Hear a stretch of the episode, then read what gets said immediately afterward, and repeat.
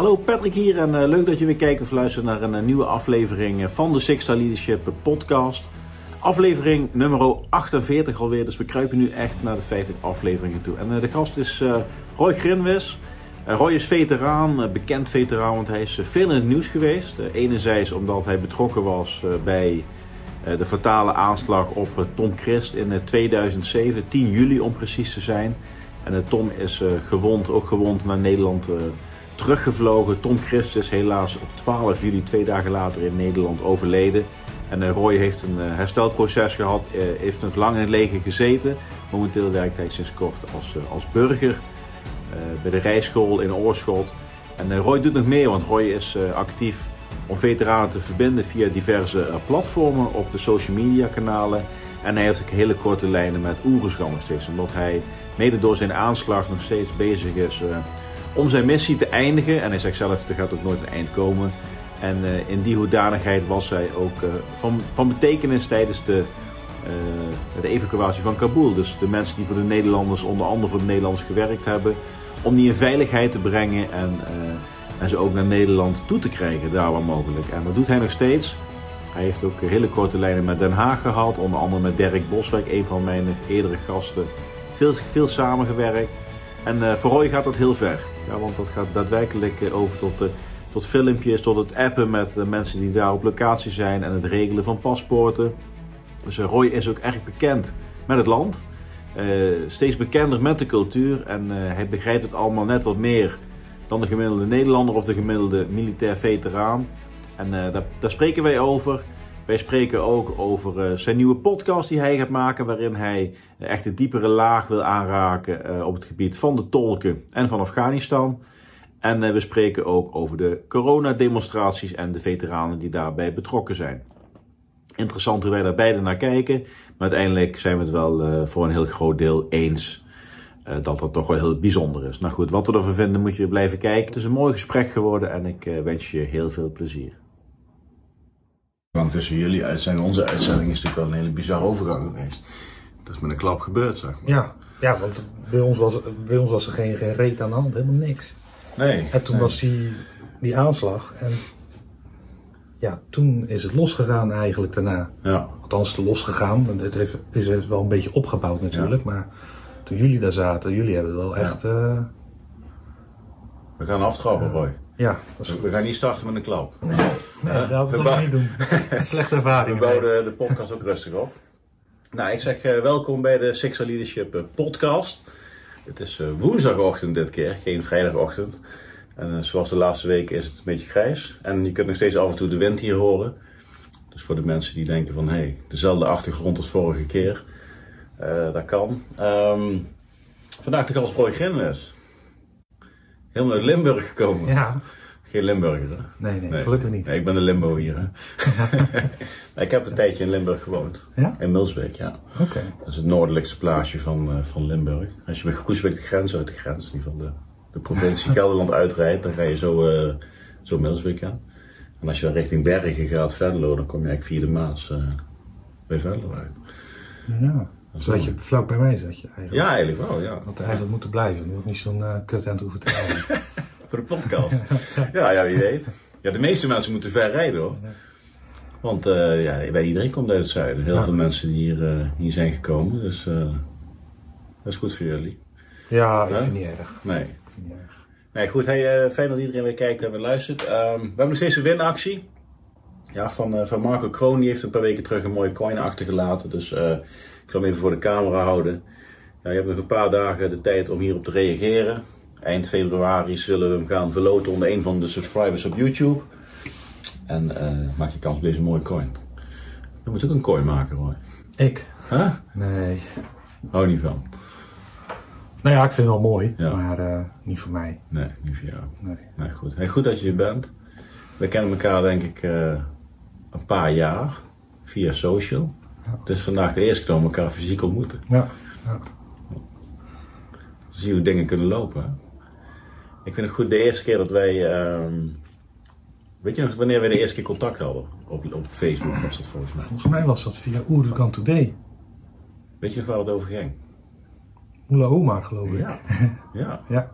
vertel eens. Ehm, ja, ik had, ik had informatie gekregen. Althans, ja, uit, uit meerdere bronnen kreeg ik te horen dat Moela Omar in 2007 in Derenwoed zat, waar wij ook zaten. En ik had al wat over geschreven op, eh op Oerskan Today. En toen reageerde jij van ja, ja, dat is algemeen bekend, zei jij. Ja, jij dacht het? Zoiets. Eh, ja, wat, wat lul jij nou? dacht ik eigenlijk. maar goed, ik dacht, ik dacht een heel mooi nieuwtje te hebben in ieder geval. Maar eh, ja, ja dat, dat was het volgens mij. Ja, ik, weet- ik weet niet hoe dat... Hoe dat eh, Ja, het is ook wel mooi hoe dat onderling gaat dan, hè? Dat we de een zit hier, de Ja. ander daar. En eh, dat is misschien nog een onderwerp. Wij veteranen vinden van alles van elkaar. Ja. Maar toch zijn we een eenheid. Ja, in ieder geval, ja. we proberen met z'n allen een eenheid te zijn. Nee, want ik, ja, misschien ook voor de, voor de mensen die kijken en luisteren. ehm, eh, jij bent in 2007 eh, ook in Derenwoed geweest. Eh, en, want jij bent, eh verdenken in, maart of zo. Ja, maart 2007 ben ik die kant op gegaan. Ja, en die uitzending die is natuurlijk eh, met een klap geëindigd. Ja, Kun je er iets over vertellen? ja nou ja, ik ehm, ja, ik ben daar gewond geraakt. En eh, toen mocht ik naar huis. Dus we waren patrouille aan het lopen in, een, eh, in de stad. Het was stad. Ze noemen het een stad, maar eh, Was- dorpje, uh, Derenhoed. Van de Vallei was dat wel Ja, de, ja, dat was de wel- place to be.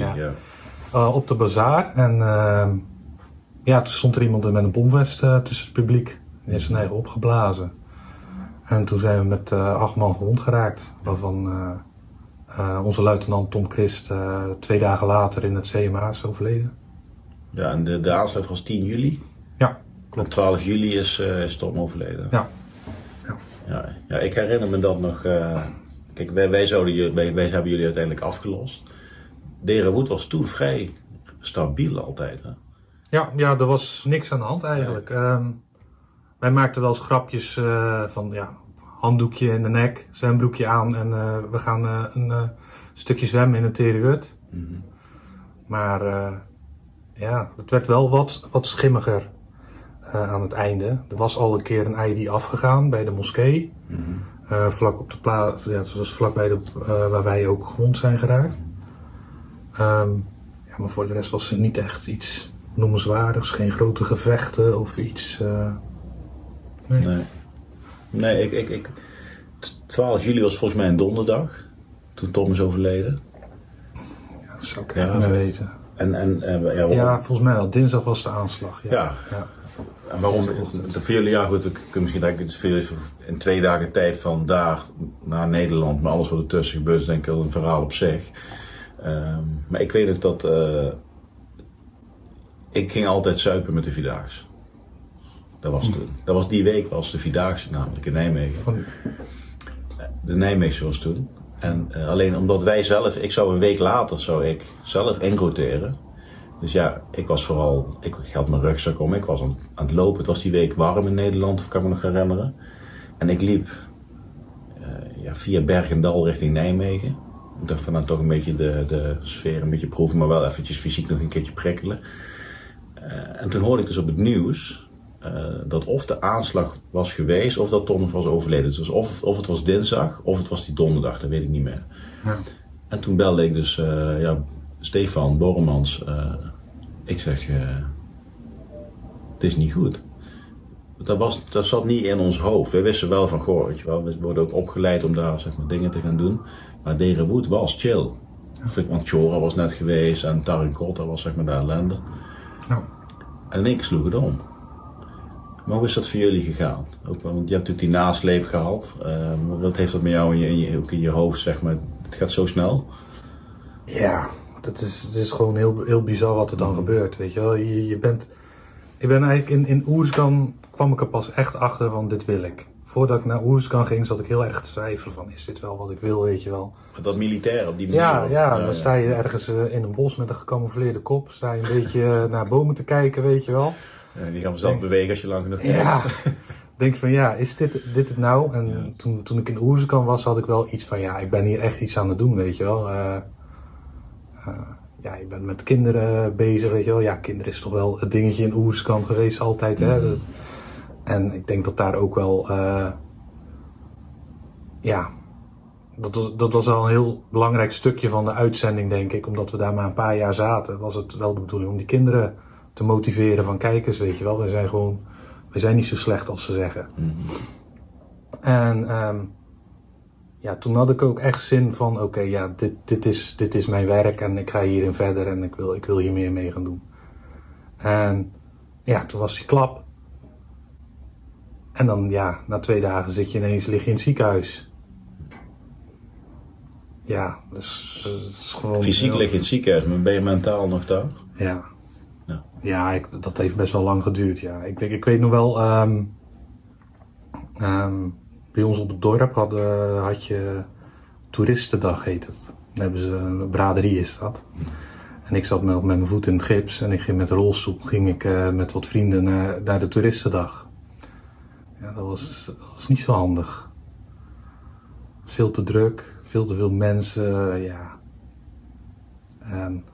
Is een klein dorpje natuurlijk, hè, dus je staat in de belangstelling, iedereen weet wie je bent. En Dat was een oud dorp. Of? Ja, Ja. ja. ja, Dus ja, dat, dat, was, dat was niet. eh, nee.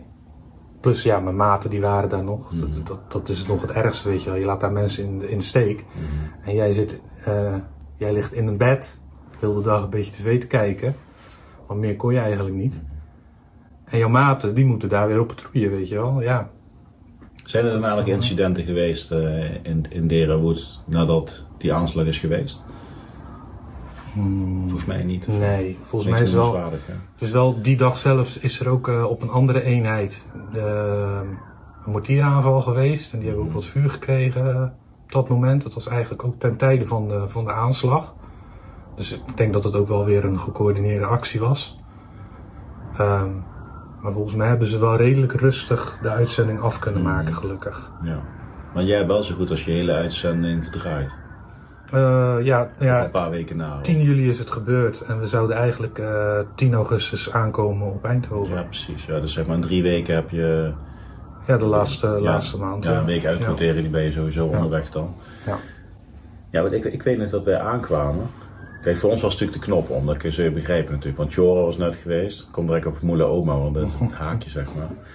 En eh, toen kwamen wij dan aan op Derenwood. En eh, ik weet niet, een van, dat was volgens mij een Chinees, was dat. Henk, ken je denk ik, van de PRT, die man met het baardje. Die deed daar vooral heel veel Kapitein. PRT. Ja, was een kapitein. De grijze, ja, ja, Ja. Captain Caveman noemde Ja, hem. ja nou, die deed daar zeg maar heel veel PRT-werk. Ja. Die was nog twee maandjes bij ons. Eh, Die ging heel vaak met ons mee ook, ja. Ja, maar die heb ik, die heb ik, eh, of die hebben ik. Als ik ik zeg, zeg ik altijd wij, hè, maar Mm. ja, die hebben wij in tranen gezien dat alles kapot was. Ja. Zeg maar, dus die heeft van zijn, heeft hij dus drie, vier, vijf maanden lang alles opgebouwd. Met jullie club, zeg maar. En daarna heeft hij alles kapot zien gaan. Ja. En, en zeg maar, die aanslag, dat is echt zo'n, ja, dat is een eikpunt geweest, denk ik, daar. En als je ooit nog een keer wat van die lui spreekt, daar ben ik met name ook heel erg benieuwd naar van, wat, wat is daar gebeurd? En, en dan Moela Oma. Kijk, wij kregen toen, toen wij aankwamen was dat nog niet zo scherp, want eh ja, dat was toen zo'n genist, knappe jongen, die was, helemaal bruin, die alleen maar zonne. Dus dat was een beetje de sfeer waar we ook in kwamen. Natuurlijk net die aanslag overleefd, dus ze dachten allemaal van, nou, weet je wel, wij, wij, wij geloven het wel. Wij rijden onze rondje, rondjes nog om het gebied heen. Ja, ik ben toen op plekken geweest, daar ben ik daarna nooit meer gekomen. Helemaal in het noorden van het gebied, helemaal in het zuiden van het gebied. En eh, uiteindelijk was er dan in, in eh, Helmand, is volgens mij het stuk waar de Canadezen zaten. Dat was een heel groot Ja, offensief. de, de, de Engelsen zaten De daarvan. Engels, ja. ja, dat er een groot offensief was. En uiteindelijk hadden wij bij Chutu, is natuurlijk eh, Tom, of Rossier is er overleden. Ja. En toen escaleerde het helemaal. Dus echt in vier, vijf weken tijd. Ja. Ja, en, dat is ook volgens mij wel, zoals ik me herinner, en ja, het kan natuurlijk dat ik een beetje een blur is geworden, omdat het al ja, 2007 geweest, maar ik weet nog dat wij op Tutu zaten, en, of eh, op Volendam, en dan kijk je Tutu in, Mhm. en toen, kregen we, toen werden wij s'nachts werden we allemaal wakker gemaakt, omdat de vijandelijke strijders het gebied introkken. Toen zijn we allemaal wakker gemaakt, zijn we allemaal posities ingenomen. Alleen ja, die mensen die liepen daar gewoon. En er waren best wel veel mensen die daar liepen, die hebben we ook allemaal gezien. Maar ja, ze deden niks. En ja, en ik, ik, ik, ik, krijg, ik, heb, ik heb altijd een beetje het gevoel gehad dat toen eigenlijk eh, die mensen, die lui, het gebied zijn ingetrokken om, eh, ja, om, om een heel offensief in, de, in te gaan, eh, gaan beginnen. Ja, in die periode. Ja, en in die periode, toen ik op, Dere, op, op Volendam zat, Mhm. toen kreeg ik ook, toen zat ik met Barry Goel, de, de tolk, ehm, zat ik op wacht bij de, ja, bij, bij de ingang van Volendam. En eh Barry Goel was eh ICOM aan het eh, uitluisteren en we kregen wat eh, ICOM chat. En ik vroeg van, ja, wat, wat, wat zeggen ze? En toen, toen had hij het over Moela Omar. Ja, Moela Omar, natuurlijk. Maar goed, ja, ik heb, er maar, ik heb er maar een melding van gemaakt. En eh, voor de rest heb ik er ook nooit meer aan gedacht. En eh, nou ja, toen is ook dat, wat ik daarnet vertelde, dat die, die strijders het eh, gebied in zijn getrokken. Alleen een paar jaar later was ik eh, op eh, internet een beetje aan het zoeken. En toen kwam ik een weblog van Hans de Vrij tegen. Hij is journalist geweest, hij is ook een paar keer in, in Oerskan geweest. En daar schrijft hij een stuk dat in 2007 eh, dat KST een actie hadden om Moele Oma te pakken in Derenwood. En toen ging bij mij in één keer dat lampje branden van hé, hey, volgens mij heb ik daar ook al van gehoord. Mhm. En toen ben ik dat uit gaan zoeken. Ja. Dus ehm, ja, heb ik contact ge- opgenomen met Hans de Vrij. Een gesprekje over gehad. Met, met, tegen Hans de Vrij ook verteld van, nou ja, dit is mij toen gebeurd. Dus ja, daarom sloeg ik daarop aan. Daarom neem ik ook contact met je op. Maar ja, ik kon er ook niet veel over zeggen, want eh, ja, had hij vertrouwelijk had hij die informatie gekregen en dat was allemaal stiekem. Ehm, en eh, niet veel later, dus dat was, dat was in 2020, toen kreeg ik dus contact met Barry Goel. En ja, toen heb ik alle vragen die ik had, heb ik op Barry Goel eh, afgevuurd. ja. Toen zat Barry nog in, in Afghanistan. Toen, ja. Ja, ja. Ja. En goed, zijn mensen Barry Goul. Barry is, is of Barry Goul. Barry is een tolk, dat is één. Daar komen we direct wel even op terug. Mullah Omar is geestelijk leider van de Taliban. ja. De- op, de oprichter. De oprichter eigenlijk. En, en die is geboren en heeft ook heel lang gewoond in Derenwoed. Hij is ergens anders geboren, volgens mij in de buurt van Kandahar is hij geboren. Ja. Maar zijn vader die overleed toen hij heel jong was. En toen is hij bij zijn oom gaan wonen met zijn moeder. Ja, dat is normaal hè, als in Afghanistan eh, als iemand doodgaat dan neemt de broer neemt de vrouw en kinderen over. En zijn ze in Derenwoed gaan wonen. Ja. Dus, dus dat hij daar... eh, man met één oog toch? Ja, Ja, dus als je hem googelt, Mullah Omar, dan, dan eh, zie je een, voor, voor mij typisch Taliban oog, ogen. Hij heeft bij hem nog eentje, maar dat Ja. zo'n donkere blik heeft die man. ja, Bij ons was toen al in briefings. Kijk, we hadden natuurlijk de aanslag voor Tom even chronologisch. Eh, uiteindelijk hebben wij de handover takeover gedaan. Heel groot gebied. was natuurlijk de inkvlek. Daar was, Derenwoed was daar heel succesvol in. In ieder geval eh, Ja. anderhalf jaar lang.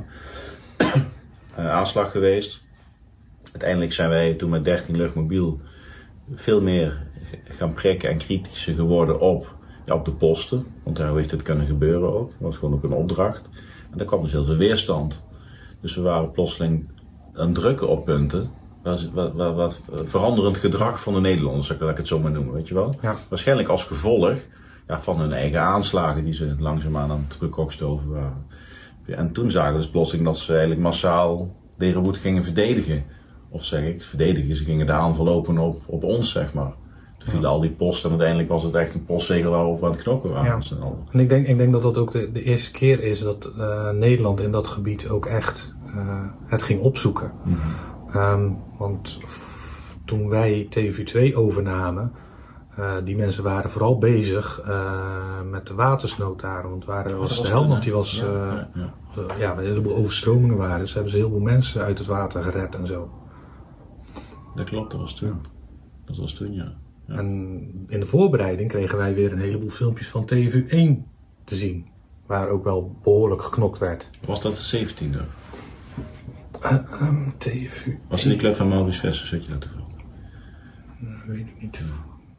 Nee, we hebben TV2 was, eh, was het 17e. Volgens mij was TV1 was 45 geloof Ja. ik. Met, ehm even denken.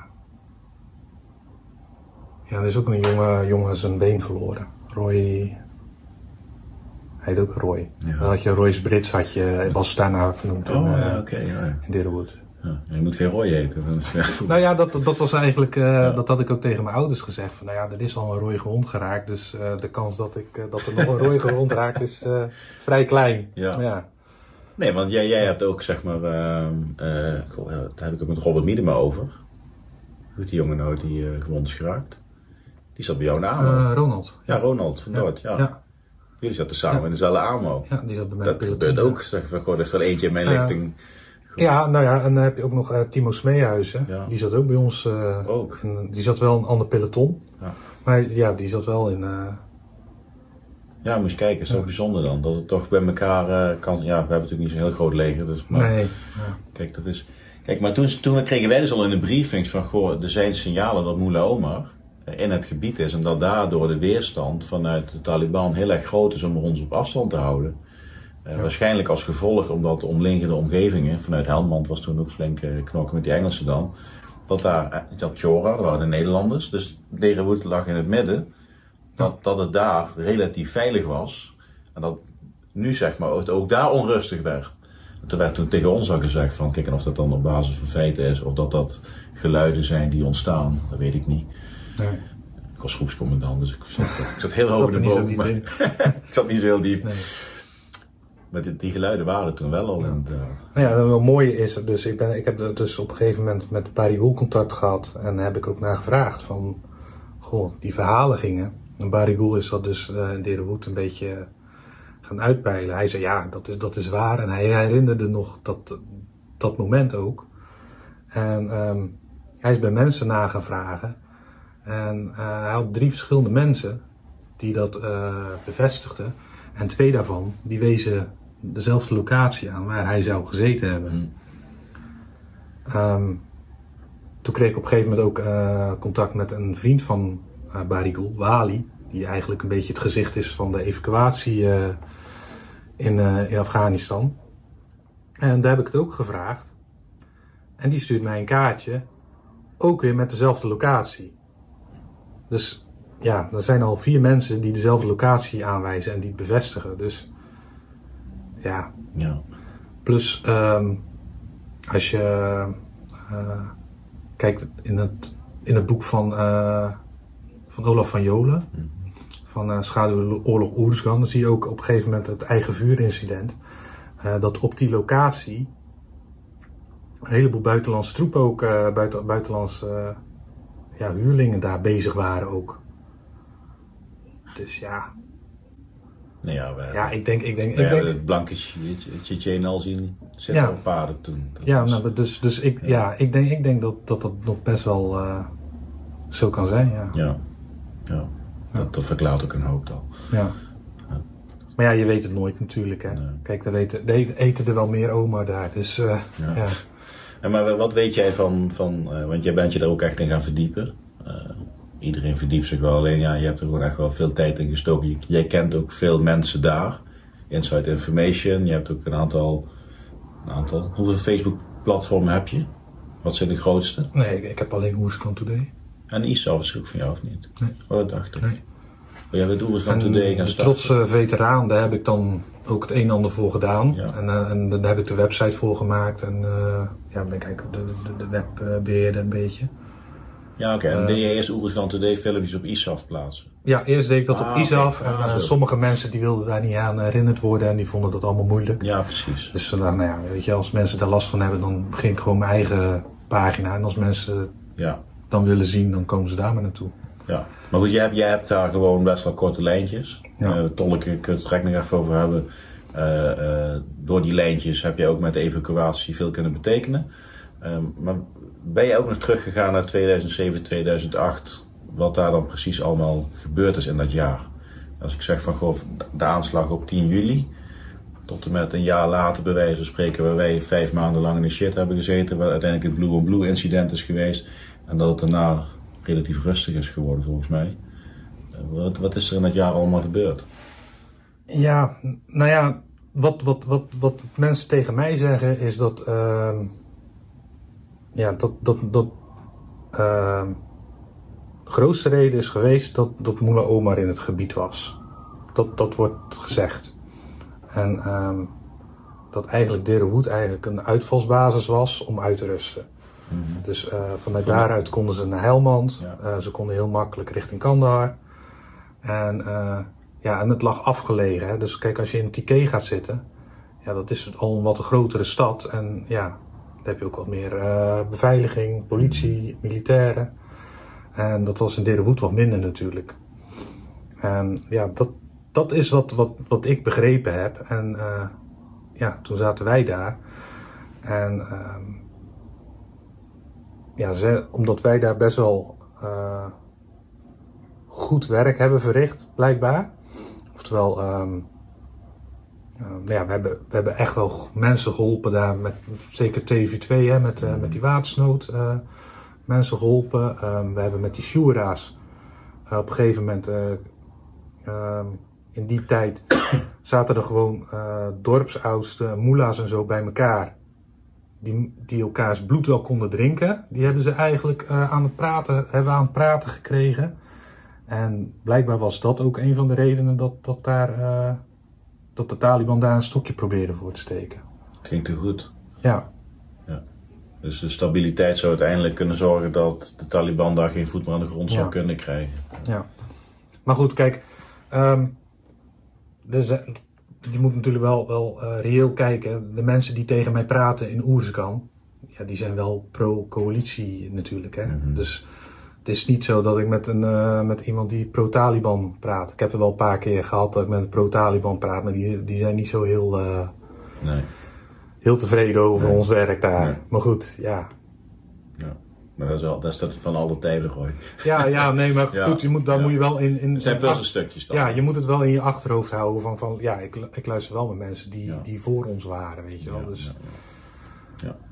Nee, maar wel, ik, ik had toen, ik denk dat ik, eh, ik zag toen jouw post op ISAF, Oeriskan Today, ik ben toen meteen in die groep gedoken. Ik heb toen ook naar onze groep, ik met Peloton, gezegd van, hé hey, jongens, nieuwe groep, interessant. Toen zei Niels Blij en, eh en, en Appie Vink ook meteen daarin gegaan, zeg maar. En zo heb jij ook contact met die jongens gekregen weer. Ja, met, met Niels vooral. Met Niels, ja. Ja. Ja, hoe is Ja. dat gegaan? Ehm, Want jullie hebben ook samen met Bar- het huis van Barry nog gelopen klussen, of niet? ja, ja, klopt, ja. Ja, ja, is het gekomen? Ook door, Oerzekant Today. En eh, Niels die was daar eh, behoorlijk actief in ook. Ja. En toen zag hij dat ik contact had met Barry Gould. Dus toen heeft hij eigen contact met mij opgenomen. En eh, ja, zo is dat gekomen. En toen op een gegeven moment, toen Barry Gould hier naar Nederland kwam en zijn eigen huisje kreeg. ehm, ja, toen zijn we met een paar man zijn we die kant op gegaan. Ja. En toen kwam, eh, toen kwam App op een gegeven moment ook. Ja. Dus Ja. Ja. maar die kon een beetje uit dezelfde hoek waar jij vandaan komt. ja, ja. En eh, even kijken. Volgens mij komt eh, Niels, die woont in Amsterdam. Ja. Kom naar Breda, woont in Amsterdam. nu. Ja. En Barry Gould die woont nu in, eh, in Vlaardingen. Ah, oké. Oh, die woont straks bij Abt dan. Ja. Niet zo verder vandaan. Ja, en App is ook nog een paar dagen daarna ook nog geweest. Ja. Ik ga, ik ga trouwen, weet je Ja. Oh, serieus? Ja, ik ga trouwen. 24 mei. Oh. Dus eh, de rest van Nederland weet het ook nu. Ja. Ab gaat trouwen, dus dan kan maar wie is Ab. Nou, goed. Ja, maar je bent Feyenoord toch? Ja. Hoe kijk je nou naar eh, de perikelen bij Ajax? Ja. Is het leedvermaak of is het... Ja, leed. Ja. Kijk, eh, vroeger, vroeger was ik wel zo, weet je wel, dan kon Ajax niks goed doen. Ja, op een gegeven moment word je ook volwassen, hè. En de- ja, voetbal is niet meer zo belangrijk als, als dat het was. Nee, nee. Vroeger, eh, vroeger ging ik voetbal kijken in, in het café. Een maat van me die had een café, die ging voetbal kijken en die trapte mij het café uit. Omdat, eh omdat Feyenoord aan het verliezen was. Dus eh, dat, dat zegt wel genoeg, denk ik. Elter. Nou ja, ik kon wel behoorlijk schelden. Ja, maar behoorlijk fanatiek Ja. was ik wat dat betreft. Ja. Dus eh, nee, maar eh, Nee. dat is wel een stuk over. Ik volg het nog, nog wel allemaal, maar eh, ja, wat bij Ajax gebeurt, interesseert mij eigenlijk helemaal niet zoveel. Nee, nee, nee. Ja goed, ik ben NEC'er. Ja. En eh, nou goed, als dit bij Vitesse zou gebeuren, is ook wel een knuisje. Ja. Nou ja, kijk, het is, ik, ik ben blij dat het niet bij Feyenoord gebeurt. Dus ja, eh, hè, het liefst bij Ajax. Misschien moet Ajax ook maar het voorbeeld nemen van de Voice. Gewoon stoppen. Gewoon al stoppen, ja. Sponsors allemaal stoppen. Ja. Ja, wie weet. Hey, maar even, ja, ja, ja, het is een heftig verhaal, denk ik. eh, niet iedereen maakt een aanslag mee. Dat is één. Goed, ik heb het zelf ook meegemaakt, maar jij wordt ook nog eens een keer daarin eh, gewond, wordt gerepatrieerd. Maar Wat, wat is daar uiteindelijk nou, nou de impact geweest op alles wat je nu aan het doen bent? Mm. Ik denk wel dat eh, wat ik nu allemaal doe, bijvoorbeeld met, met de tolken en eh, eigenlijk me in Afghanistan verdiepen, dat het wel een stukje stuk verwerking is of zo. Een soort van missie afmaken. Ik heb mijn missie niet afgemaakt. Dat heeft altijd gestoord eh, bij mij. En 2008, eind 2008 zou ik eigenlijk weer gaan. Alleen ja, dat ging niet vanwege mijn been. Ging, ging jouw eenheid toe mee? Ja, ja. Dus heb ik eigenlijk bijna alles meegedaan. Ehm, alleen met eh, oefeningen Marnewaard. Toen eh, was de ANV, die was voor de zoveelste keer mijn, mijn enkel aan het intapen. En die zei van, ik denk dat we eens een keer met de cap moeten gaan praten. Want ik heb geen... Stiekem, stiekem wist jij het toch al? Ja, maar ja. Je wilde er niet aan toegeven. Kijk, ik wist ook al heel lang dat ik eigenlijk dienstongeschikt was. En toch ben ik naar de KMS gegaan. Weet je? En achteraf denk ik van ja, in al die tijd, want dat heeft heel lang geduurd, heeft gewoon jaren geduurd. In die tijd had ik ook gewoon een studie kunnen doen en had ik nu een, een goede baan gehad, weet ik wat allemaal. Maar aan de andere kant heb ik nu wel eh, alles gedaan. En heb ik nu ook wel kunnen accepteren van het gaat ook gewoon echt niet. Weet je, dus ja. Ja, wat is een goede baan. Ja. Ja, goede baan. Maar ja, in ieder geval, ik had. Ik had Le- levenswijsheid Ja. en, en ervaring en, en, en momenten die, die, die, die stapelen zich uiteindelijk op. ja, ja, ja, kijk, ik heb, ik heb wel een hele tijd. eh, Ik ben best wel sip geweest wat dat betreft toen, eh, toen de tijd. En ook eh, toen ik echt op een gegeven moment door had, toen ik bij BVE zat, van oké, het is echt klaar. Want het Goeie gaat- club, hè? gaat club. Nee. Je hebt ook veeltje. Boreel, ja. Dat was minder. Ja, ja dat, kijk, ik, ik had bij, bij, bij BV heb ik een goede, leuke tijd gehad op zich. Eh, de mensen waren super, eh, qua collega's en zo was het allemaal super. Alleen, ja, ik zat gewoon niet goed in mijn vel daar. Wie was toen EC? Eh Ruud Teunissen, Ja. Daar maar niet over hebben. Ik vraag ook niet over. Maar ehm, ja, dat, dat, dat heeft gewoon heel veel pijn gedaan. En eh, ook eh, van ja, in die tijd dat ik op de KMS zat en aan, het- aan het aanklooien was om toch goedgekeurd te worden, had ik ook een opleiding kunnen doen. En eh, dat hebben we al een hele tijd gehad. Maar ja, het is gewoon goed geweest. Maar wanneer is jouw missie klaar dan? Ik denk dat hij niet stopt. Nee, oké, maar, maar is, kijk, je zegt zelf van, goh, ehm, eh, deels wat ik gedaan heb en ook nog aan het doen ben, is ook verwerkingsproces, de missie afmaken. Heb je voor jezelf dan, wat is dan zeg maar voor jou een doel van, nou, als ik hier, dit is iets, als ik, dit vind ik vet, of hier wil ik naartoe groeien, of hier wil ik aan werken, dan heb ik wel voor mezelf een voldoening. Ja, maar ik denk dat, dat- ik heb altijd in mijn hoofd gehad, want ik moet nog een keer eh, op Deerwood Bazaar rondlopen. Maar ja, Mag ik mee dan? voor mij wel. Maar misschien moet mijn, eh, mijn Podcast. Taliban eh, contactjes eens even aanspreken. Nee, ja. Dat, dat kan zijn de gewoon. beveiligingsregelen. ja, Ja. toch? Maar je wilt nog naar die plek toe. Ja, dat zou ik dan altijd wel graag willen.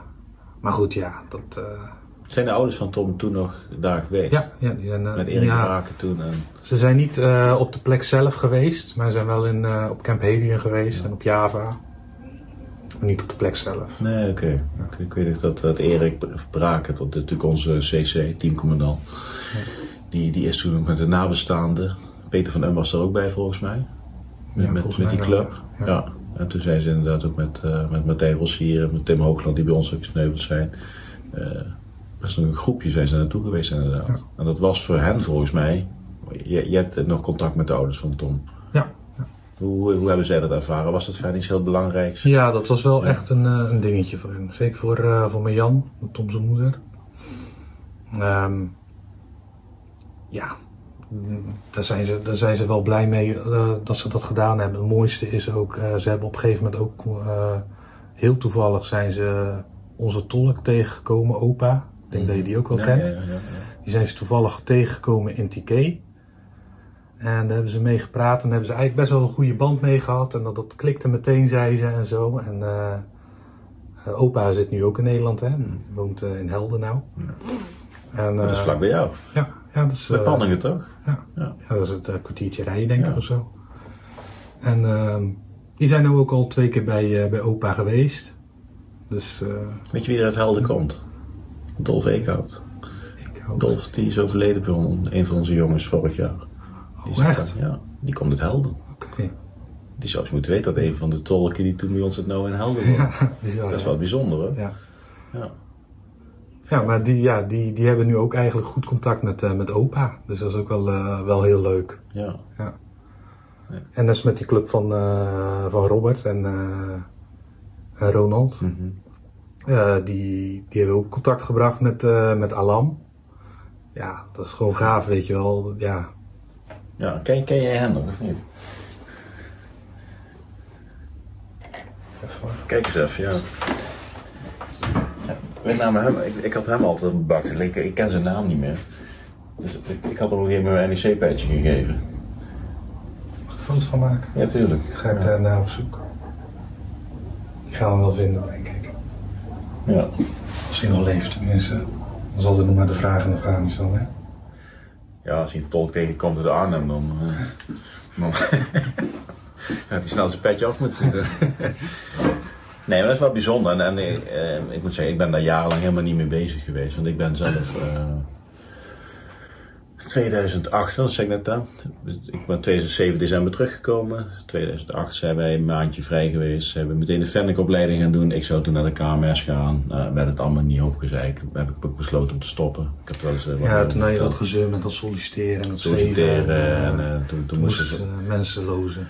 Nou, ik moest heel blij zijn wat ik had. Want in de burger was ik niks. Ze het letterlijk tegen me verteld. Toen Ja. dacht ik van, wat? Nou, dan gaan we even laten zien dat dat niet zo is. Weet je wel, dat was, ik, ben, ik ben wat dat betreft dan ook de krijger die dan voor zichzelf... eh, en ik heb toen, ja, misschien wel tien jaar heel erg gefocust op alles wat we nu aan het doen zijn. Weet je wel? Hoe kunnen we bedrijfsleven en defensie laten samenkomen met leiderschap en dat soort dingen allemaal. Nou goed, dat- wie weet dat ik dat doe. Maar sinds een jaar of drie, onder andere dat jij dat nu allemaal doet, ben ik me ook weer meer gaan interesseren van, goh, wat is er eigenlijk allemaal gebeurd, weet je wel? Ja. En op een diepere laag, dat vanuit meerdere kanten bekeken. Ja. En op een gegeven moment had ik die foto van die kerel. Ik dacht van, goh ja, ik heb daar wel drie, vier maanden lang in een EPR'tje rond liggen tuffen met die gozer. Hoe is het eigenlijk met hem, weet je wel? Ja. En toen kwam natuurlijk Kabul. En eh, ja, toen kwam jij weer in de picture, zeg maar. Ja. Hoe is dat gegaan met Kabul? Ja, dat is ook heel bijzonder geweest. Met Dirk natuurlijk. Ja, ja we ook Boswijk. contact gekregen op een Ja. gegeven moment, ja. Ja, dat is, het is gewoon eigenlijk een balletje is, is gaan rollen. Ik kreeg het contact met, met, met Barry Gul. Kreeg ik steeds Barry reed toch al met, met zijn Kalashnikov rond? Ja, ja, dat is Barry toch? Ja, dat was eh, de gewapende tolk, zeg maar. Ja, ik moet dat even uitleggen. Nee, dat is, je hebt natuurlijk locals. Mensen die komen op, op Helium was het al een daggeval. En die moesten allemaal een pasje laten zien. En ik kwam alleen Barry Gould, die kwam met zijn motor aan racen. Met een AK op zijn Met een AK op zijn rug, stof erachter en die kon gewoon de poort door. Ja. Ja. Ja, ja, blijkbaar had men eh, vertrouwen in hem. ja. En eh, ja, ik, ik, heb altijd een beetje met schuin oog naar, naar hem gekeken. En dan denk je, hoe kan dat nou? Dat, Ja. dat kan toch niet? Hij kan toch niet in...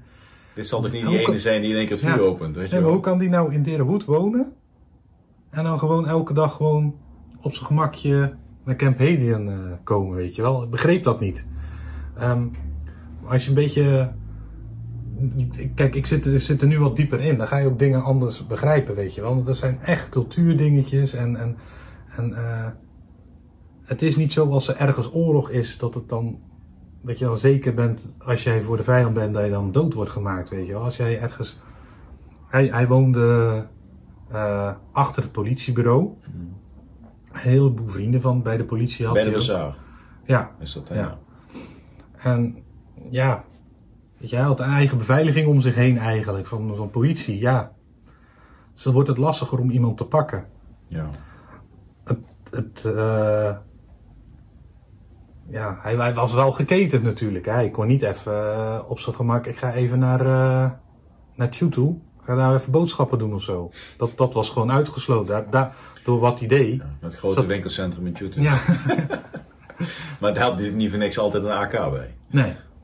dat had wel een reden natuurlijk. Ja, nou ja. Ze, ze noemden hem ook de Taliban Hunter, hè? Ja. Dat is ook niet voor niks natuurlijk. Ehm, maar goed, ja, kijk, ja. Hij heeft ook een heleboel moeten, moeten, moeten laten, omdat hij met ons samenwerkte. En dat is ook wel een beetje. eh, ehm, waardoor ik vind van, goh, we moeten ook wat voor die mensen doen, weet je wel. Die mensen, ik, ik vind zelf ehm, dat we Afghanistan gewoon kaart hebben laten vallen. En dan hebben we niet, heb ik het niet puur over Nederland, maar heb ik gewoon over de coalitie die daar rond heeft gelopen met z'n allen, weet je wel. We hebben daar rondgelopen en eh, in één keer wordt de stekker eruit getrokken. En die mensen die vertrouwen in ons hadden, in een beter Afghanistan, die zijn genaaid, weet je wel. Die mensen die gevochten hebben, die, worden, die, die zijn de lul nou. Maar de mensen die in de overheid zaten, die net zo corrupt als de Taliban zijn en waren, die zitten met een reet, zitten ze in, eh, in. Engeland in een, of andere, Ja. in een of andere club te zuipen en, eh, en te Ja. feesten van het geld. eh, wat Amerika er constant in heeft lopen pompen en de rest van, eh, van de internationale gemeenschap. De mensen die echt gewerkt hebben voor een beter Afghanistan, die zijn de zaken en zitten Af- in Afghanistan. En ja, daar heb ik iets van. Ik, ik schaam me er een beetje voor. Ook al kan ik daar niks aan doen. En ik, ik ben maar een heel klein poppetje in, in, in het geheel natuurlijk.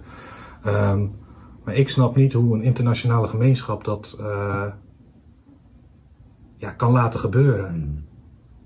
Ja, en iedereen zegt wel, ja, eh 300.000 eh ANA's. ehm, ze hadden vliegtuigen, ze hadden helikopters en weet ik wat allemaal. Maar dat is allemaal leuk en aardig. Maar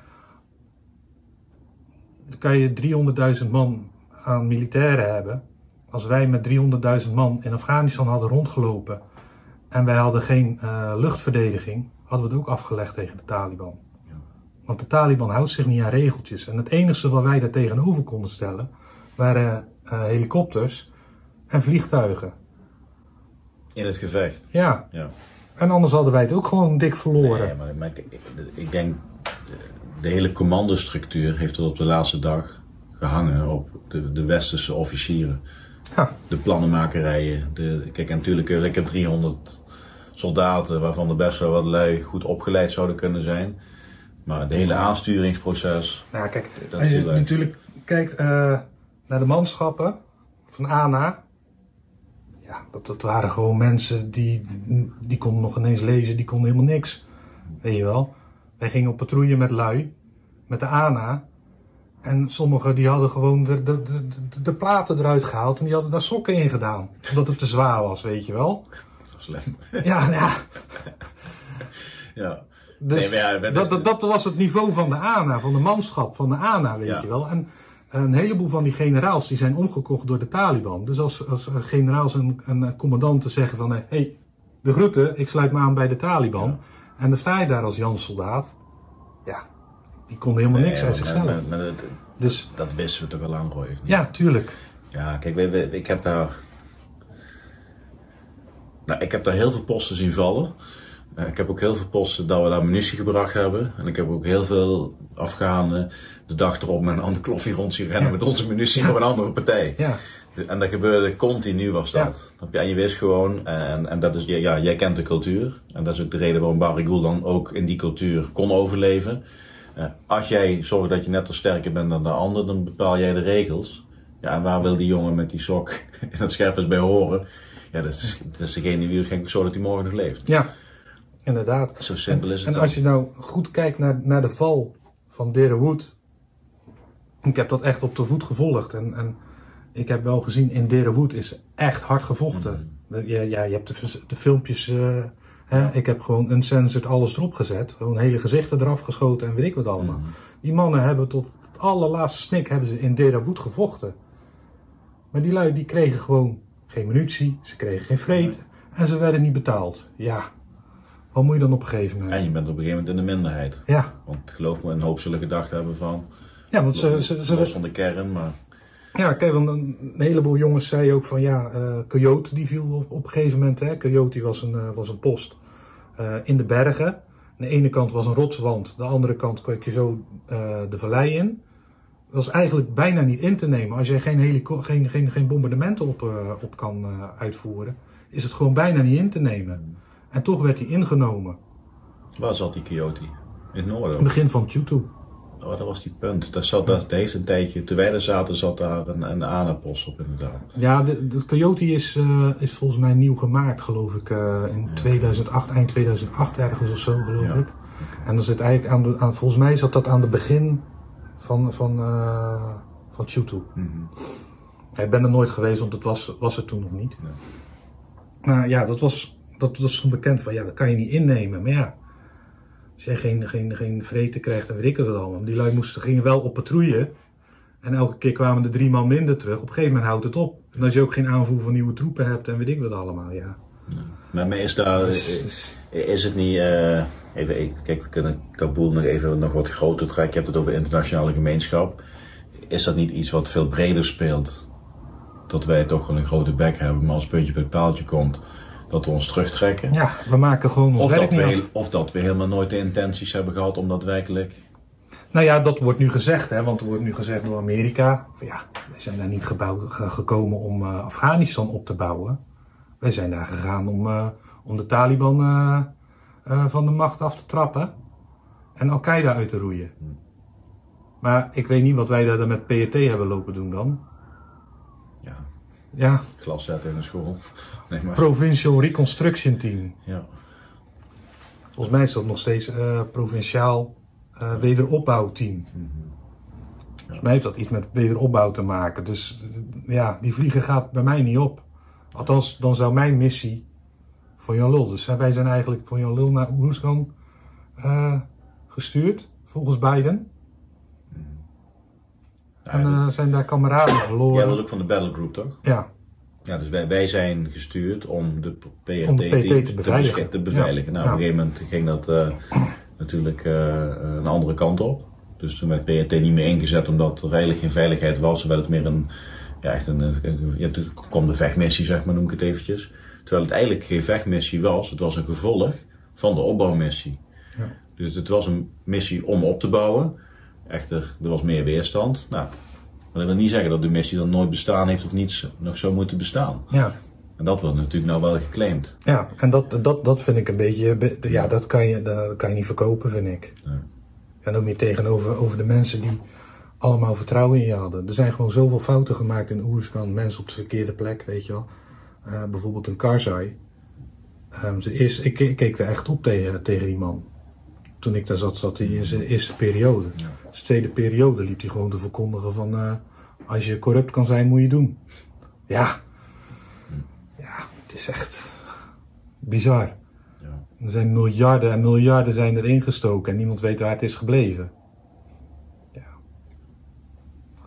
Als die, als die miljarden goed waren besteed, dan was het nu vakantieland geweest. Had je er alles kunnen doen wat je wilde. Het was Ja, gewoon Afghanistan. Ja, echt. ja, nee, maar serieus. Ja, ja, ja. Dat- Dat, daar ben ik heilig van overtuigd. Maar gewoon de verkeerde mensen en, en, en het gewoon helemaal verkeerd aangepakt, denk ik. ja. ja. En dat, dat, dat geeft niks af van de mensen die er zijn geweest en hoe wij daar naartoe zijn gegaan. Hè. Het is natuurlijk het grotere plaatje waar ik nu naar kijk. Mhm. Ehm, ik denk dat Nederland, als, je, als, als ik de mensen spreek in Oersgan, hoe die over de Nederlanders praten, dan mogen wij er echt, echt super trots op zijn. Echt. ja, dat is mooi om te horen. En het is gewoon bijzonder dat iemand in Oersgan, en zeker op dit moment in Derenhoed, want in Derenhoed ja, gebeuren vre- vreselijke dingen op dit moment. En die mensen die praten nog steeds tegen een soldaat die daar rond heeft gelopen, eigenlijk, en die gestuurd is door, eh, door Amerika. Mhm. Ja. Nou, dat zegt ook wel wat. En, eh, en hoe is het met, wat is de status van Hedwig op dit moment? Iedereen is helemaal weg. Dat is, dat is door ons afgebroken? Of Nee, is dat, nee. eh, Nee, ehm, volgens mij is in 2014 zijn de Amerikanen daar weggegaan. Mhm. En toen is het overgedragen aan de ANP. En die hebben gewoon alles verkocht. Hmm. Containers, eh, alles. handig. Dus zie je, Ja, en Volendam toch al, denk ik. eh, ja, Volendam was al weg geloof ik hè, toen, eh, toen wij daar zaten.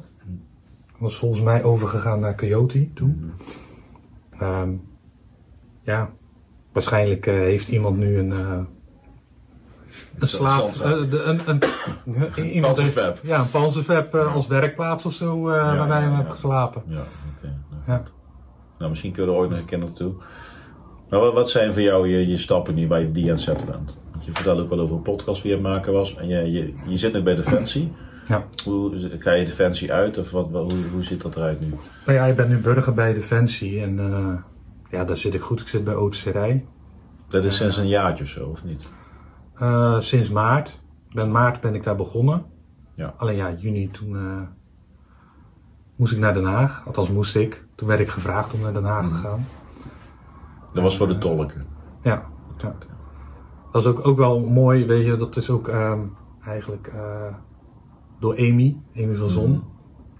Ehm, ja, ik heb met, met Amy natuurlijk eh, eh, veel gedaan voor helemaal vol verhalen. Eh, met Ton, eh, Ton Kelders toen, waar ik eh, geld voor opgehaald heb, dat, die Ja. het dan niet kon, dat verhaal ken je wel. Hij is toen naar helemaal vol verhalen gegaan. Ja. En Amy heeft me eigenlijk een beetje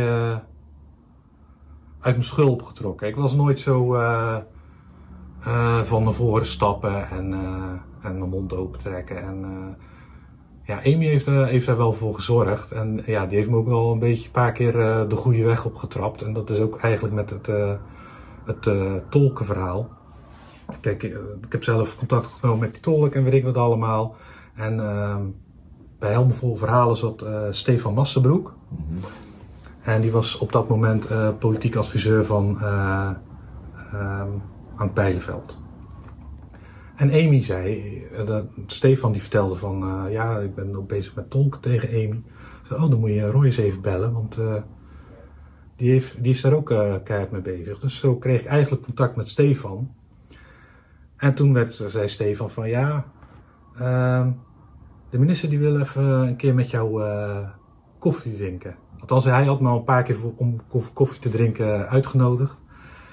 En op een gegeven moment was het van, ja, de minister vraagt of je koffie komt drinken. Nou ja, dan moet ik nu wel. Even kijken of ik tijd heb. Ja.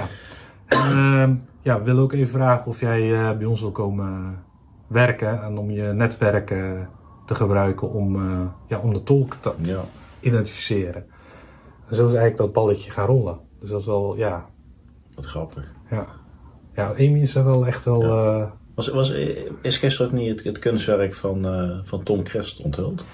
Was dat nee, dat was vorige week toen wij ook eh, eigenlijk Ja. zo de podcast, ja. maar dat ik dus met corona thuis zat. Ja, ja. Dus die heb ik ook nog niet in het echt gezien. Dat is ook wel... ja oké. Nou, dat gaat wel komen, denk ik toch? Ja, hij staat nu in het heimbetrieb van, eh van Bilje, dus ik ga denk ik van de week eens even, even bellen of ik daar even langs kan. De heimbetrieb, ja, dat, is de, dat is de Duitse Kali, toch? Ja. Ja.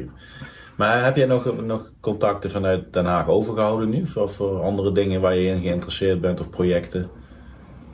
Vanuit het Haagse? Ik heb natuurlijk nou met Dirk Boswijk veel samengewerkt. ja, met Dirk Boswijk. Ik heb ehm, ook eh, contact gehad met eh Caroline van der Plas. Mhm.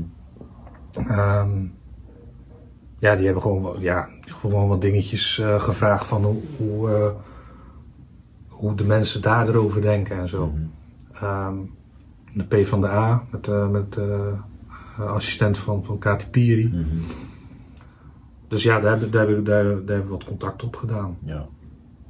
ja maar jij, jij, jij liep als veteraan in het Haagse. En op dat moment eh, stonden er veteranen vooraan bij demonstraties. Ja. ja. Hoe ging dat? Hoe, hoe is dat zeg maar in, in Den Haag beleefd? Of voor jou persoonlijk? ja, in Den Haag hebben we het er eigenlijk helemaal niet over gehad eigenlijk. Maar volgens mij was dat ook, is het ook een beetje eigenlijk daarna op het einde geweest. Ja, zo. Dus, maar ja, ik, ik, vind, ik vind zelf, weet je wel, dat je gaat demonstreren, prima. Maar dit heeft helemaal niks met, met veteranen te maken, weet je wel. Als je graag, als jij een veetje opdoet of zo, prima, weet je wel. Ja, wat ik ook in daar- podcast met Robert zeg. Van, Ja. veetjes prima, Ja. weet je wel. Weet je, als je, dat, als je je graag laat zien als veteraan, prima, weet je wel. Dat zou wel zijn. Ik ben bij op één uitgenodigd om, eh, om daar over de tolken te praten. Dan ben ik ook niet in, eh, in een GVT-jas of in mijn, eh, in mijn DT-jas gaan zitten met een beret op, weet je wel. Doe ik ook gewoon net jasje aan, doe ik mijn, ve- Ja. mijn veetje op en doe ik mijn verhaal. als je dat op Veteranendag doet, weet je wel, dat je een beetje uitdost en eh, je bent trots op je medailles en je erop, zodat iedereen ze kan zien. Prima, moet je zelf weten. Dat heeft met veteranen te maken. Ja. Maar dit heeft gewoon niks met veteranen te maken. En dan zeggen ze wel van, eh, wij, wij staan er neutraal in. Maar eh pas geleden werd er op Twitter werd er een, een namenlijst gepost. En als je die namen gaat eh, intoetsen, dan eh, zie je dat ze niet helemaal neutraal erin Nee. staan, zeg maar, weet je wel. Dus Ja. ja, ja. ja. ik, vind, ik vind er gewoon wat van. ja. Ja, dan prima dat je demonstreert, maar eh, ja. Nee, ik moet eerlijk zeggen, ik had, eh, ik had ehm, die eerste keer, eh, dat was volgens mij, ik weet niet wanneer het dat was. Ik vind sommige, ik, vind- ik vind er ook iets van. Van het beleid, zeg maar. Ja. ja, nee, maar kijk, ik, ik ben ook niet Ja. helemaal eens met, met wat er gebeurt Nee. allemaal met corona. Hè. Dat, dat, Nee, Daar, gebeuren, Ja. er worden gewoon fouten gemaakt. Maar ik heb aan de andere kant heb ik ook iets van, weet je wel.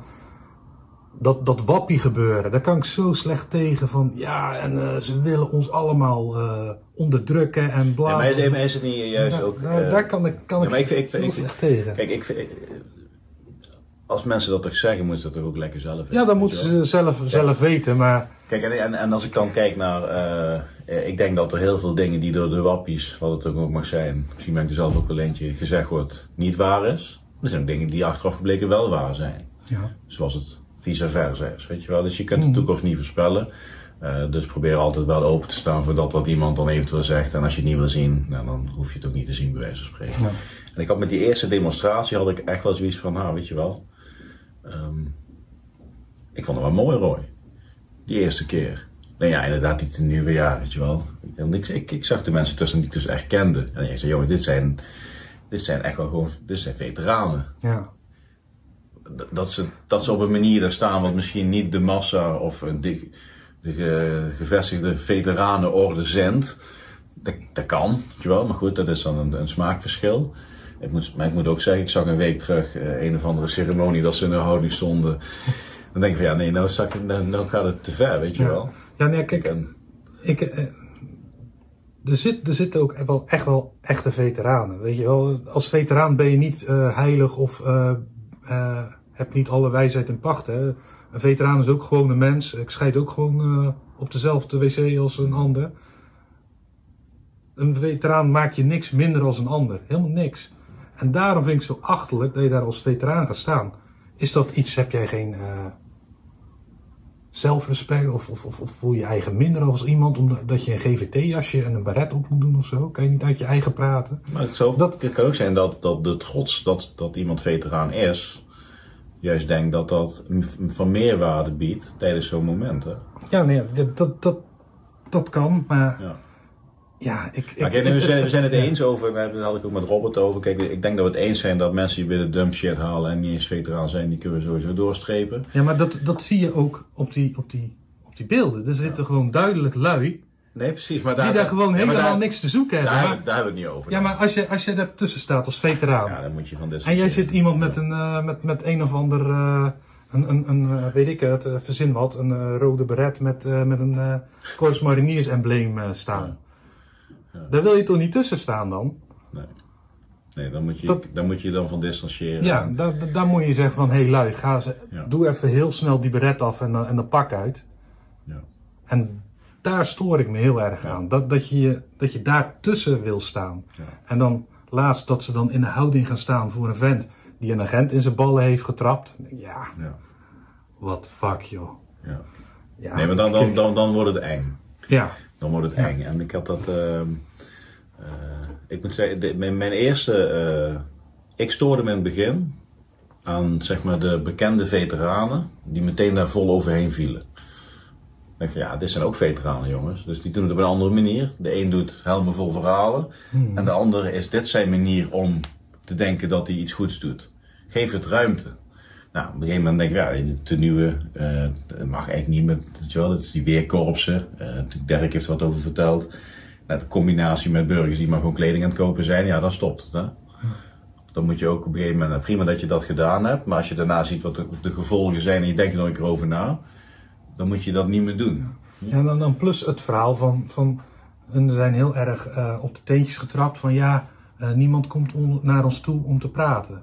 Maar als je ziet op social media, iedereen die, die kritiek op hun heeft, en dan noem niet de kritiek, want ik ben af en toe, eh hè, Ja. stel ik ze gewoon voor lul. Ja. Dat, dat, dat, hè, dat is ook niet netjes Ik natuurlijk. stel wel eens een wedervraag aan.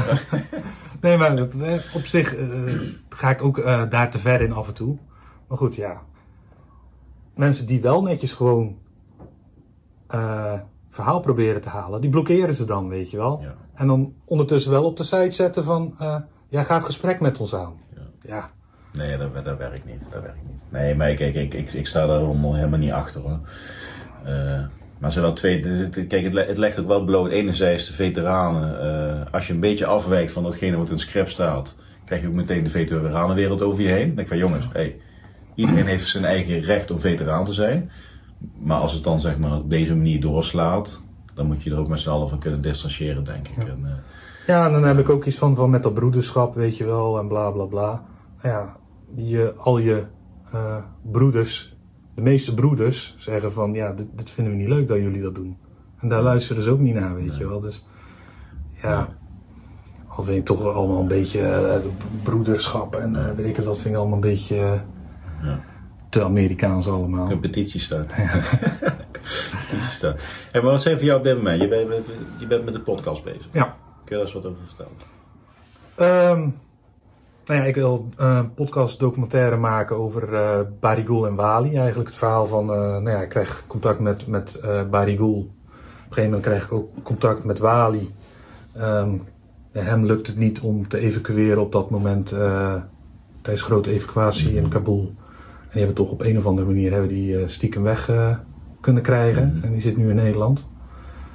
En, ehm, het gaat niet zozeer om mijn verhaal, maar ik wil hun gewoon laten vertellen. Ik, ga niet, ik, ik heb geen zin om te vertellen van wat ik allemaal niet heb gedaan en weet ik wat allemaal. Dan weet iedereen wel wat er is gebeurd. En eh, Hoe gaat de podcast heten?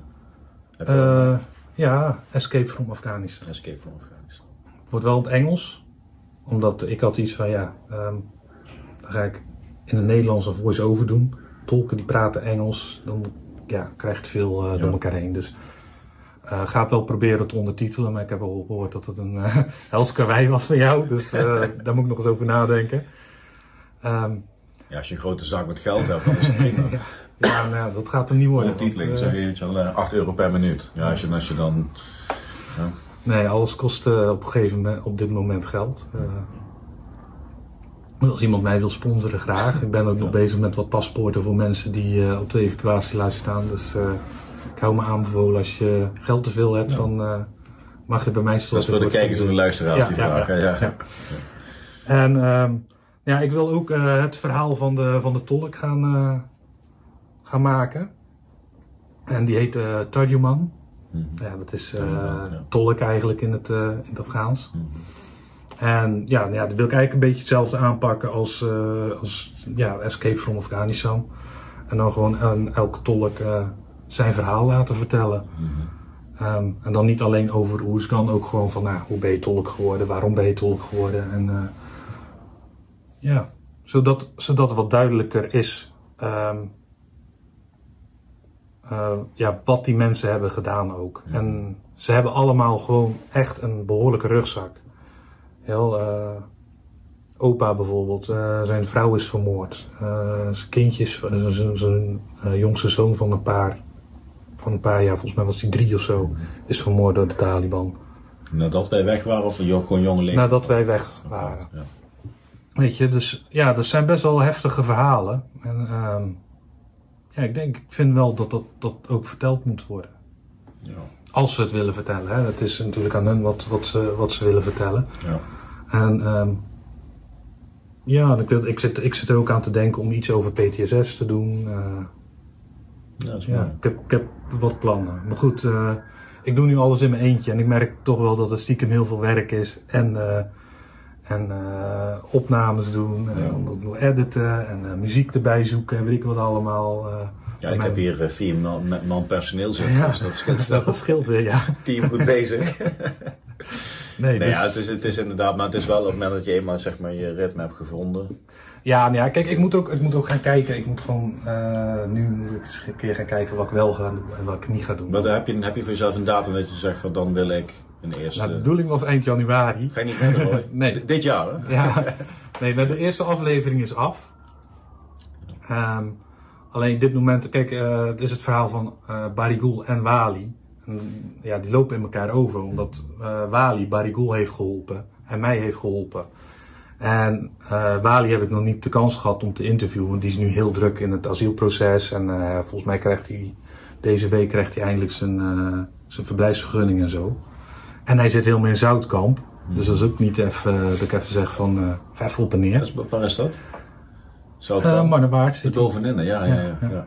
Maar de hoei. Maar heeft wel een normale woning of zit hij daar in zo'n... Hij zit een, uh, in een Oefendorp? Nou, niet het Oefendorp, maar hij zit wel op de, op de kazerne daar. Oké, eh. oké. Dus een noodasiel eh. Zoutkamp, ja. Dus ja dat, eh, ja, dat laat nog even op zich wachten. Maar eh, ja, ik heb genoeg ideeën. Maar goed, ik ben ook nog bezig, natuurlijk nog steeds bezig met mensen die daar zitten. Mhm. Het grote probleem is nu van, eh, van de mensen die op de lijst staan, eh, dat ze geen paspoorten hebben. En zonder paspoort, ja, kan je niet reizen. Dus ik heb eh, met, ehm, eh, we gaan ze halen. Ehm, dat is een stichting. Mhm. Heb ik contact gekregen en die hadden weer eh, contact met Salam. En dat is een jongen die heeft ook een stichting. even kijken. Ik weet niet precies hoe dat heet. Maar goed, die kon dus paspoorten regelen. Legaal, met bon. Mhm. Dus Taliban gaat er helemaal niks aan verdienen, weet ik wat allemaal. Nee. Dus eh, daar hebben we dus eh, voor volgens mij 25 mensen die op de evacuatielijst stonden, hebben we een paspoort kunnen regelen. Mhm. Ehm, hebben dus geld ingezameld. Nou, dat was binnen een week was het, eh, was het voor elkaar.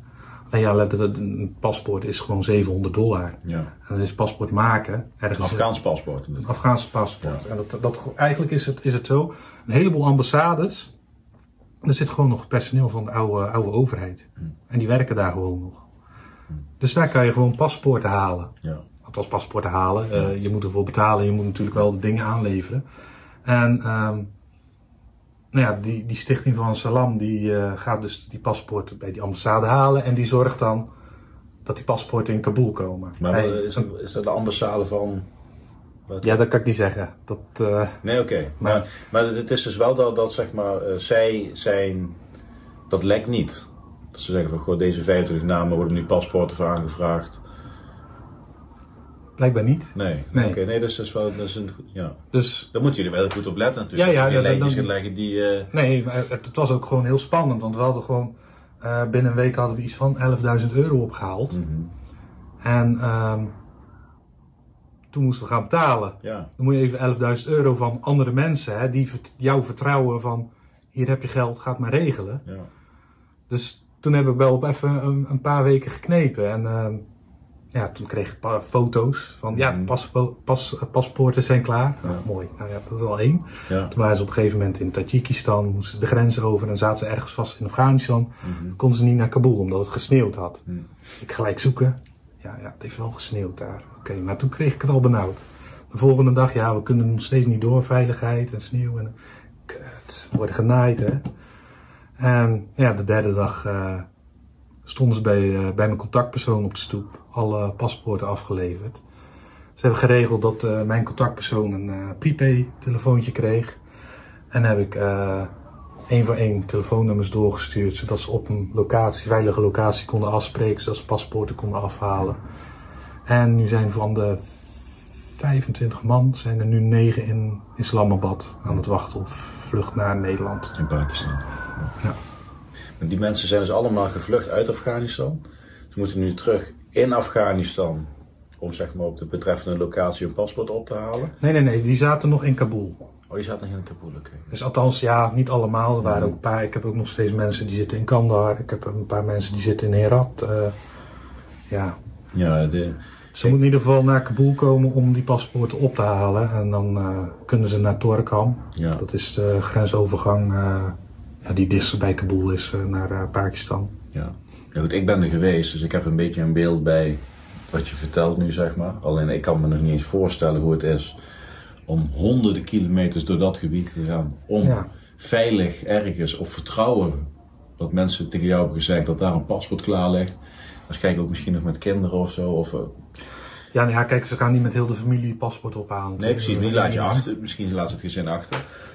Waarschijnlijk, misschien komen ze zelf eerst naar Nederland toe om later eventueel Nou, ik heb, dat heb ik nog niet meegemaakt. Dat de mensen, ik heb wel eh, mensen die al in Nederland zaten, die eerder gevlucht waren, Mhm. die in hun eentje zijn gegaan, daarna gezinshereniging hebben aangevraagd en dan eh, de rest is gekomen. Maar ik heb een heleboel eh, mensen, kijk, ik doe gewoon alleen mensen op de evacuatielijst. En de mensen waar ik contact mee heb, zijn tolken geweest. Mhm. De meeste zijn tolken voor Defensie geweest. Er zitten ook een paar Eupeltolken Mhm. zitten erbij. En ik heb een Eupeltolk gehad. Dat zijn familie had allemaal een paspoort. En zijn paspoort was verlopen. Dus had de ambassade gezegd van, nou ja, dan kun je kinderen kunnen alvast deze kant komen en je vrouw. Ja. Dus nou, dat, dat vond hij prima. Maar het is ook andersom gebeurd. Dus dat hij, dat, dat de man een goed paspoort had, maar dat een van de kinderen of zijn vrouw geen Mhm. eh, paspoort had. Eh, die zeggen allemaal, ja, ik ga niet weg, ga mijn kinderen... Maar worden er dan ook paspoorten geregeld voor de gezinnen van, van die mensen? Ja, ja, dat van- ook- van- van ja, allemaal. precies. Ja, oké, ja, ja. Ja, de 25 zijn niet 25 gezinnen, hè? Het zijn 25 mensen. Nee, precies. Ja, dus ja, het is... ja. precies. En eh, dan kan dus zijn dat het misschien voor een vrouw is. Of voor Ja, en drie, vier kinderen. Ja, precies. Ja. Ja. Ja, het is, ik denk dat het voor heel veel mensen heel abstract is. En ik denk met name jouw, jouw podcasten die je dan net vertelt hoe je dat gaat maken. Ik denk dat dat... ehm, kijk, iedereen leest de krant, ja, evacuatie, tolken. En dan lezen ze dan een week achter elkaar en daarna is de tweede pagina. En dan, Ja.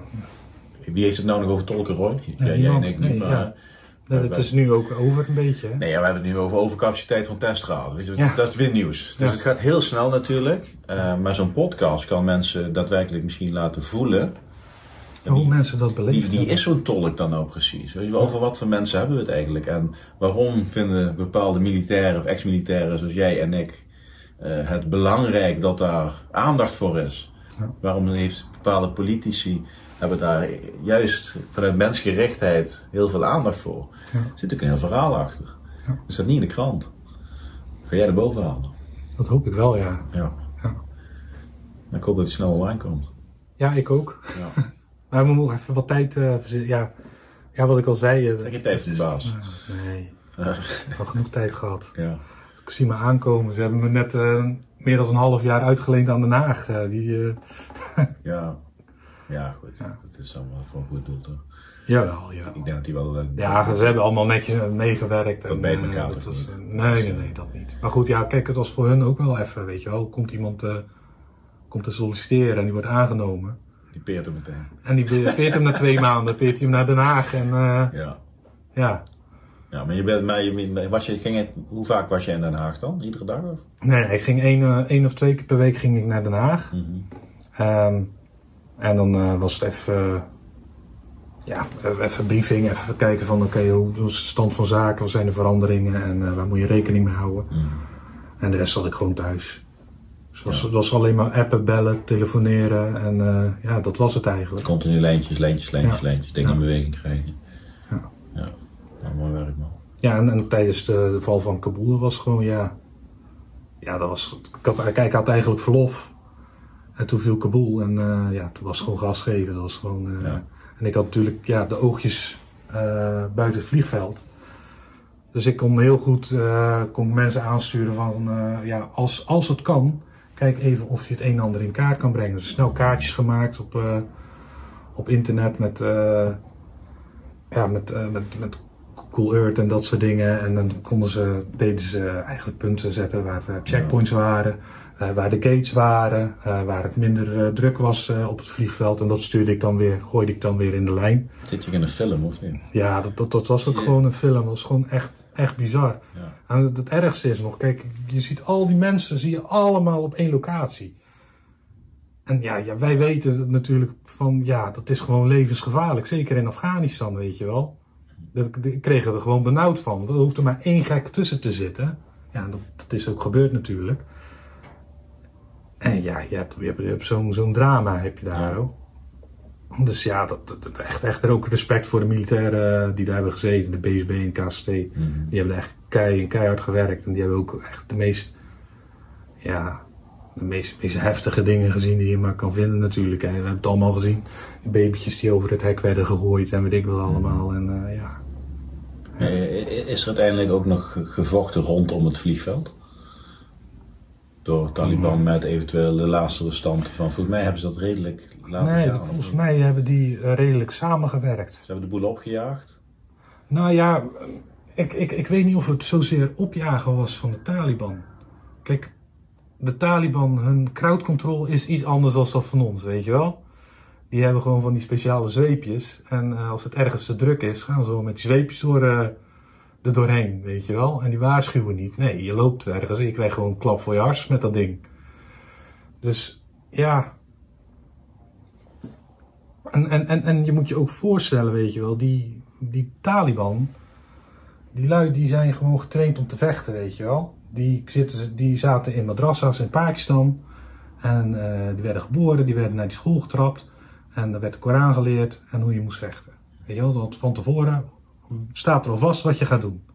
Je gaat schieten, of je, gaat, eh, je wordt eh suicider, of weet ik het wat allemaal. Dus die zijn gewoon ja, die hebben, die hebben gewoon heel leven hebben ze dit, dit geleefd.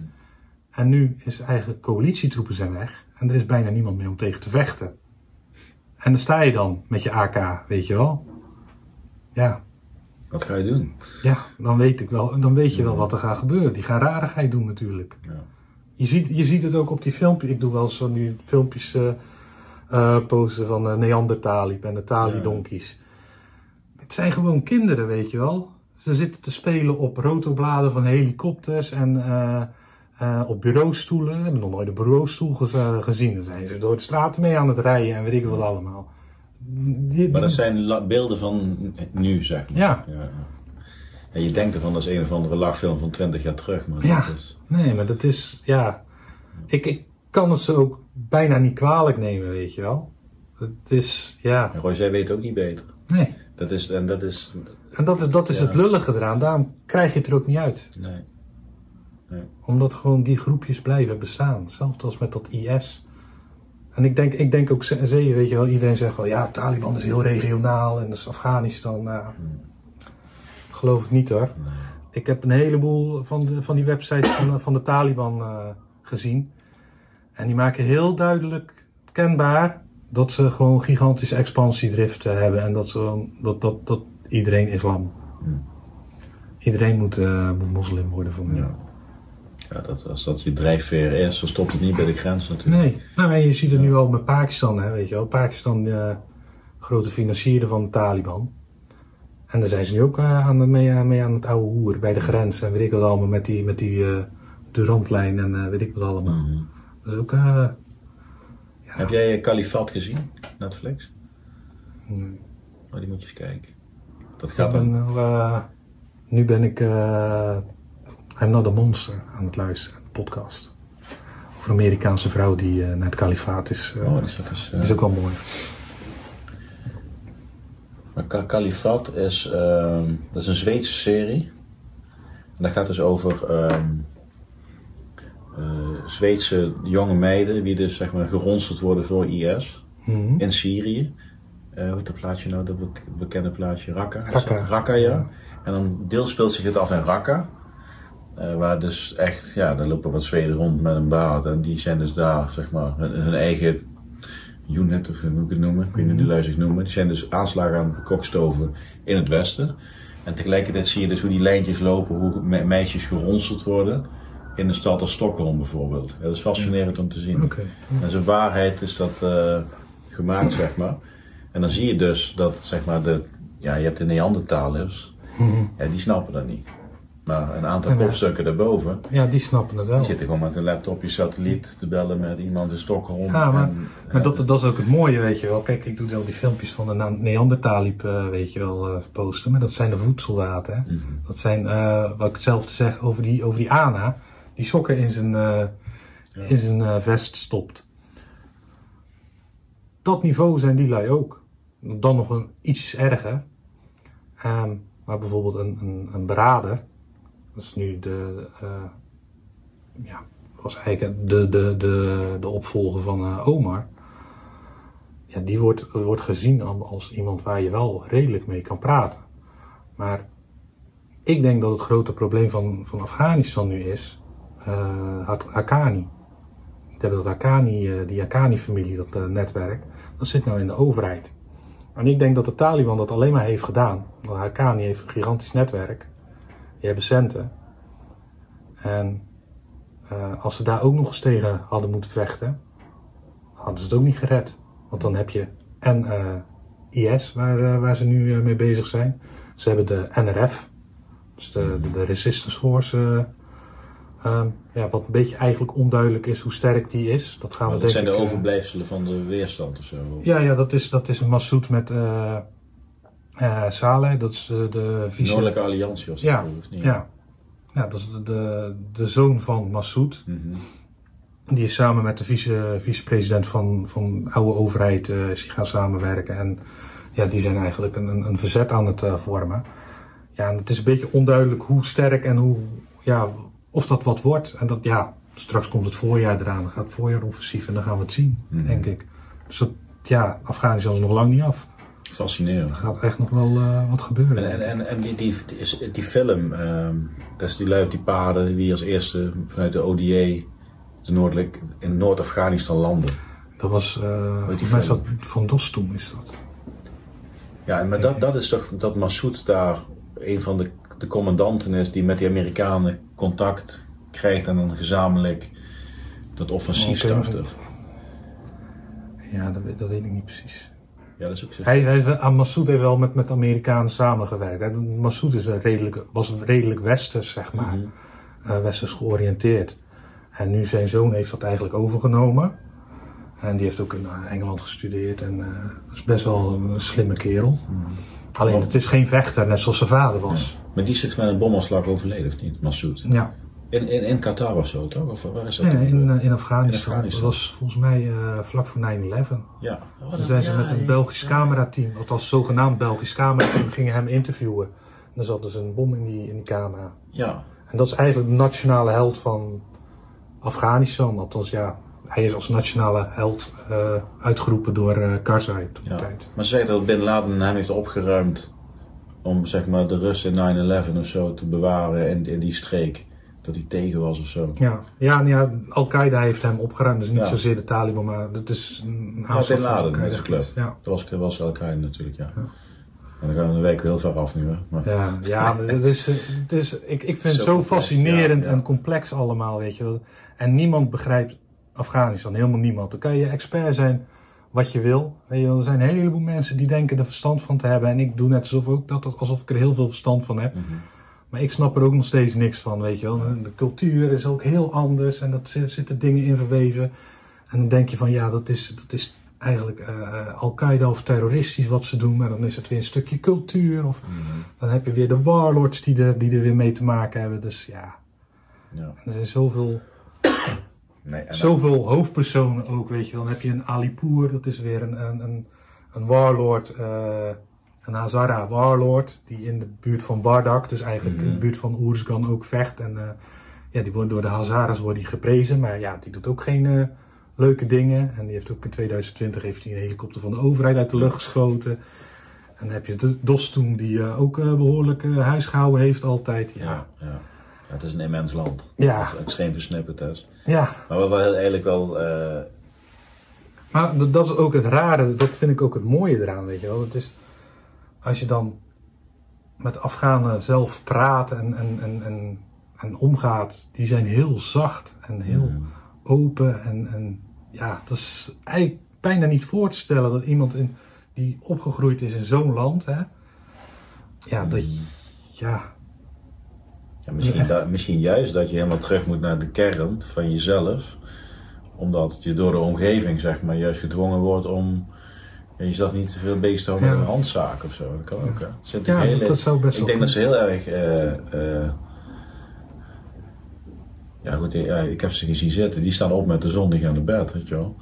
En er gebeurt van alles om ze heen. Maar ze, ze kunnen daar toch een of andere manier heel sereen hun leven leiden. En ook als er mensen doodgaan. En goed, jij hebt mensen meegesproken als mij en weet wat het met ze doet. Maar het lijkt alsof dat zeg maar. En dat glijdt van ze af. Althans, het lijkt. Het doet ze natuurlijk wel wat. Maar Ja, net zoals ehm, met, met, Barry Goul heb ik de, een podcast gehad. En ehm, zijn broer is op een gegeven moment overleden terwijl ik contact kreeg. En dat was voordat Derenwoed nog viel. En die, is om, die zat bij de ANP. En zijn checkpoint was aangevallen. En, was, eh, en dan zit Barry Goul zit dat zit te vertellen. En, eh, oh ja, en eh, ja, toen is mijn broer nog vermoord. En, hij gaat gewoon verder, weet je wel. En dan denk ik, wacht even terug. ja, dat denk, ja. Maar dat, dat is ook een st- stukje zelfbescherming, weet je wel, voor ze. En, en ja, het is gewoon, ja, het is gewoon fascinerend, dat, vind ik. Ja, Ja, en, en, en, en, en het, thema van, van, van, van nu, en daar heb ik volgens mij vorige week iets over gepost, van niet normaal maken wat niet normaal is. Want dingen worden heel snel normaal. En ik denk dat in het land Afghanistan, het is daar ook een soort van normalisatie. ja dat, dat er iemand doodgaat. De dood. Ja. De dood is daar op. En, en dan vroeger was er misschien iemand die kreeg een hartaanval. En nu is de kans ook gewoon aanwezig dat hij op een mijn stapt of Ja. een bermbom of gewoon.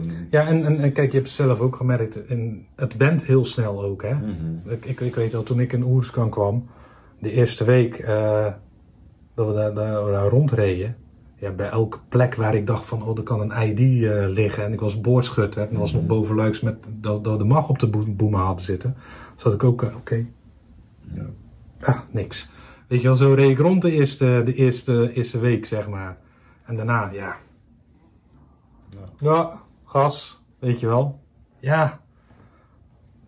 Een mens die past zich zo snel aan, dat is echt bizar. Ja, je bent eraan. Ja. Kijk, en ik, ik, ik zeg het ook over, over die vuurgevechten. En dan kreeg ik ook even een reactie van... eh, ja, die vergelijking is heel extreem. Ja, juist dan. Kijk, toen ik zeg maar mijn wandeling maakte in Nijmegen... toen dacht ik van... Jezus, het zal toch niet echt zo zijn dat ik daadwerkelijk vuurgevechten mee ga maken? Want we wouden in principe naar een redelijk rustig gebied gaan. Nou, toen gebeurde dat met Tom. En toen ging er even wat om van... Hé, hey, wacht eens eventjes. Het zou misschien toch maar wel ooit kunnen gebeuren. Nou, nou, dan komt dat moment dat je beschoten wordt en dat we twee weken in het gebied waren. Nou, dan duik je weg en denk je, wat gebeurt er allemaal? En drie weken later ben je vooral zelf aan het kijken, voordat iemand op mij schiet, schiet ik eerst, bij Ja. spreken. En dan is het normaal geworden dat je in een gebied rijdt waar je beschoten wordt. Maar het is niet normaal. Nee. Je went er wel aan. Ja. Alleen dingen waar je aan went, moet je voor waken dat ze niet, dat ze niet normaal gaan worden. Ja. En die vergelijking maakte ik dus van. Kijk, los van dat het nodig is dat iets gebeurt, of het nou dat corona toegangsbewijs is of een vuurgevecht, dat doet er even niet toe. Eh, je went eraan. Maar ergens waar je went kun je ook vergeten dat het niet normaal is. Ja. Op elkaar schieten is niet normaal. Is niet Nee, normaal. nee. Alleen als je daar opgegroeid bent, eh, dan, dan weet jij niet beter. Dan heb je niet eens aan hoeven te wennen, want dan is dat gewoon jouw benchmark. Maar ook voor hen is het niet normaal natuurlijk. Nee, en dat is net, ik heb ook best wel veel, ook heel veel kritiek gehad van dat ik eh, best wel heftige filmpjes post. Maar die filmpjes die krijg ik ook gewoon van de familie van mensen, weet je wel. Ik kreeg, ik kreeg filmpjes eh, doorgestuurd van Taliban die met een, een, een politiecommandant achter aan de brommer rondreden door de straten die dood was. En Ja, dat post je toch niet, dan kan je toch niet, na, dan kan je toch niet maken eh, eh, naar de nabestaanden. Ik weet niet, maar ik heb een filmpje van de nabestaanden gehad. Die mensen die willen dat we dit zien. Die willen geholpen worden. En dat kan, blijkbaar kan dat tegenwoordig alleen maar als je choqueert. Want Anders worden mensen niet wakker. Nee. Ik kan wel heel lief zeggen van we moeten naar Afghanistan. Zullen we, zullen we naar Afghanistan toe gaan om daar wat te doen? Want het gaat niet goed. Ja, Er gaat niemand luisteren naar je. zo werkt media. Hè? Ja. Je moet met een knaller binnenkomen en daarna komt de boodschap Ja. Dat is gewoon zo. Kijk, maar is dan zeg maar Afghanistan... eh, het heeft eigenlijk internationaal helemaal geen functie. Los van het feit dat je natuurlijk... We hebben natuurlijk terrorisme en heel het verhaal allemaal. En toch, op een of andere manier... wordt er iedere keer weer een deel van de wereld aangetrokken. Nou zijn direct de Chinezen weer die daar weer in beweging komen, bij wijze van spreken. En ze hebben natuurlijk heel veel grondstoffen. Dat is natuurlijk een ding, dat is ja, wel een maar, ding nu. eh, Maar, je kunt ze niet delven, want het is altijd gezeik. ja, dus het is eigenlijk... eh, het is eigenlijk een land waar eigenlijk eh het heeft geen zee volgens mij. andermans oorlogen worden, worden uitgevochten. Dat is het ook. Dat is het, ja. En eigenlijk zijn wij onder die context ook gewoon daar naartoe gestuurd. Ja. Als je de film terugdraait hoor. Ja, maar als je ook 9-11, er zat geen Afghaan in dat vliegtuig. Geen één, er waren allemaal Arabieren. Maar we zijn wel naar Afghanistan gegaan omdat het daar voorbereid is. Ja. En omdat O. Osama daar rondliep natuurlijk. Er zit natuurlijk wel meer achter. Maar ja. Maar de Afghanen, die, eh, die niet in die vliegtuigen zaten, die zijn wel de dupe ervan geworden van alles. Want de burgers, die zijn de sjaak. Eh, mensen uit de corrupte overheid, die zitten lekker in Dubai, die zitten lekker eh, bij het zwembad nu. Ja. En een land als Saoedi-Arabië, dat er waarschijnlijk wat meer vingers in de pap heeft gehad, die mag de Formule 1 race gaan organiseren Ja. 20 jaar later. Ja, ja. Zo krom is de wereld. Ja. Maar het is allemaal belangen en eh, ja. ja. Nou, goed man. Wij gaan zorgen dat de zon blijft schijnen. ja. Hé Roy, ik, eh, we zijn al aan het kletsen, jongen. ja Anderhalf wel. uur. Ja, anderhalf uur alweer. Dus we moeten niet te lang, want anders loopt Nee. mijn eh, geluid niet synchroon. hè, weet je, wel, dat is.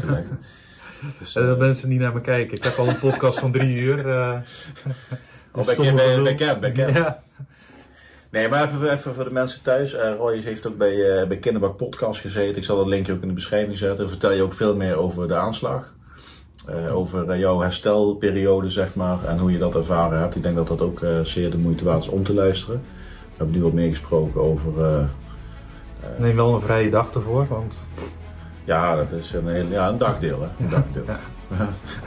Pak twee bakken koffie en een, eh, een stukje taart erbij. Maar nou, dat is ook een heel leuk gesprek. Eh met een ander onderwerp. Dus dat is denk ik wel mooi. Dit is een mooi aanvullend, denk ik. Tolken, inzet voor veteranen.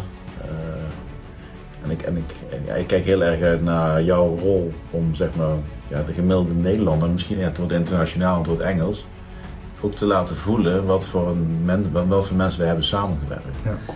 Ik denk dat het echt iets is wat. eh, ik, ik denk dat het een aanvulling kan zijn. Ja. kan het jouw missie afmaken? nee. Nee? Gaat jouw missie ooit klaar Mijn missie zijn? is nooit afgelopen. Ik verzin altijd wel weer wat nieuws. Ja. Ja.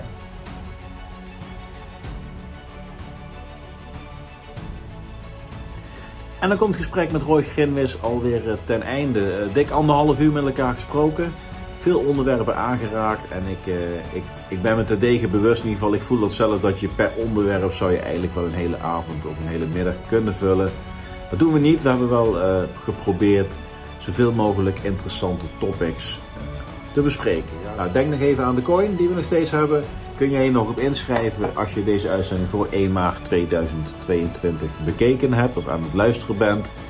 En eh, check ook eventjes de linkjes van alle overige activiteiten die wij met Sexta Leadership aan het ondernemen zijn.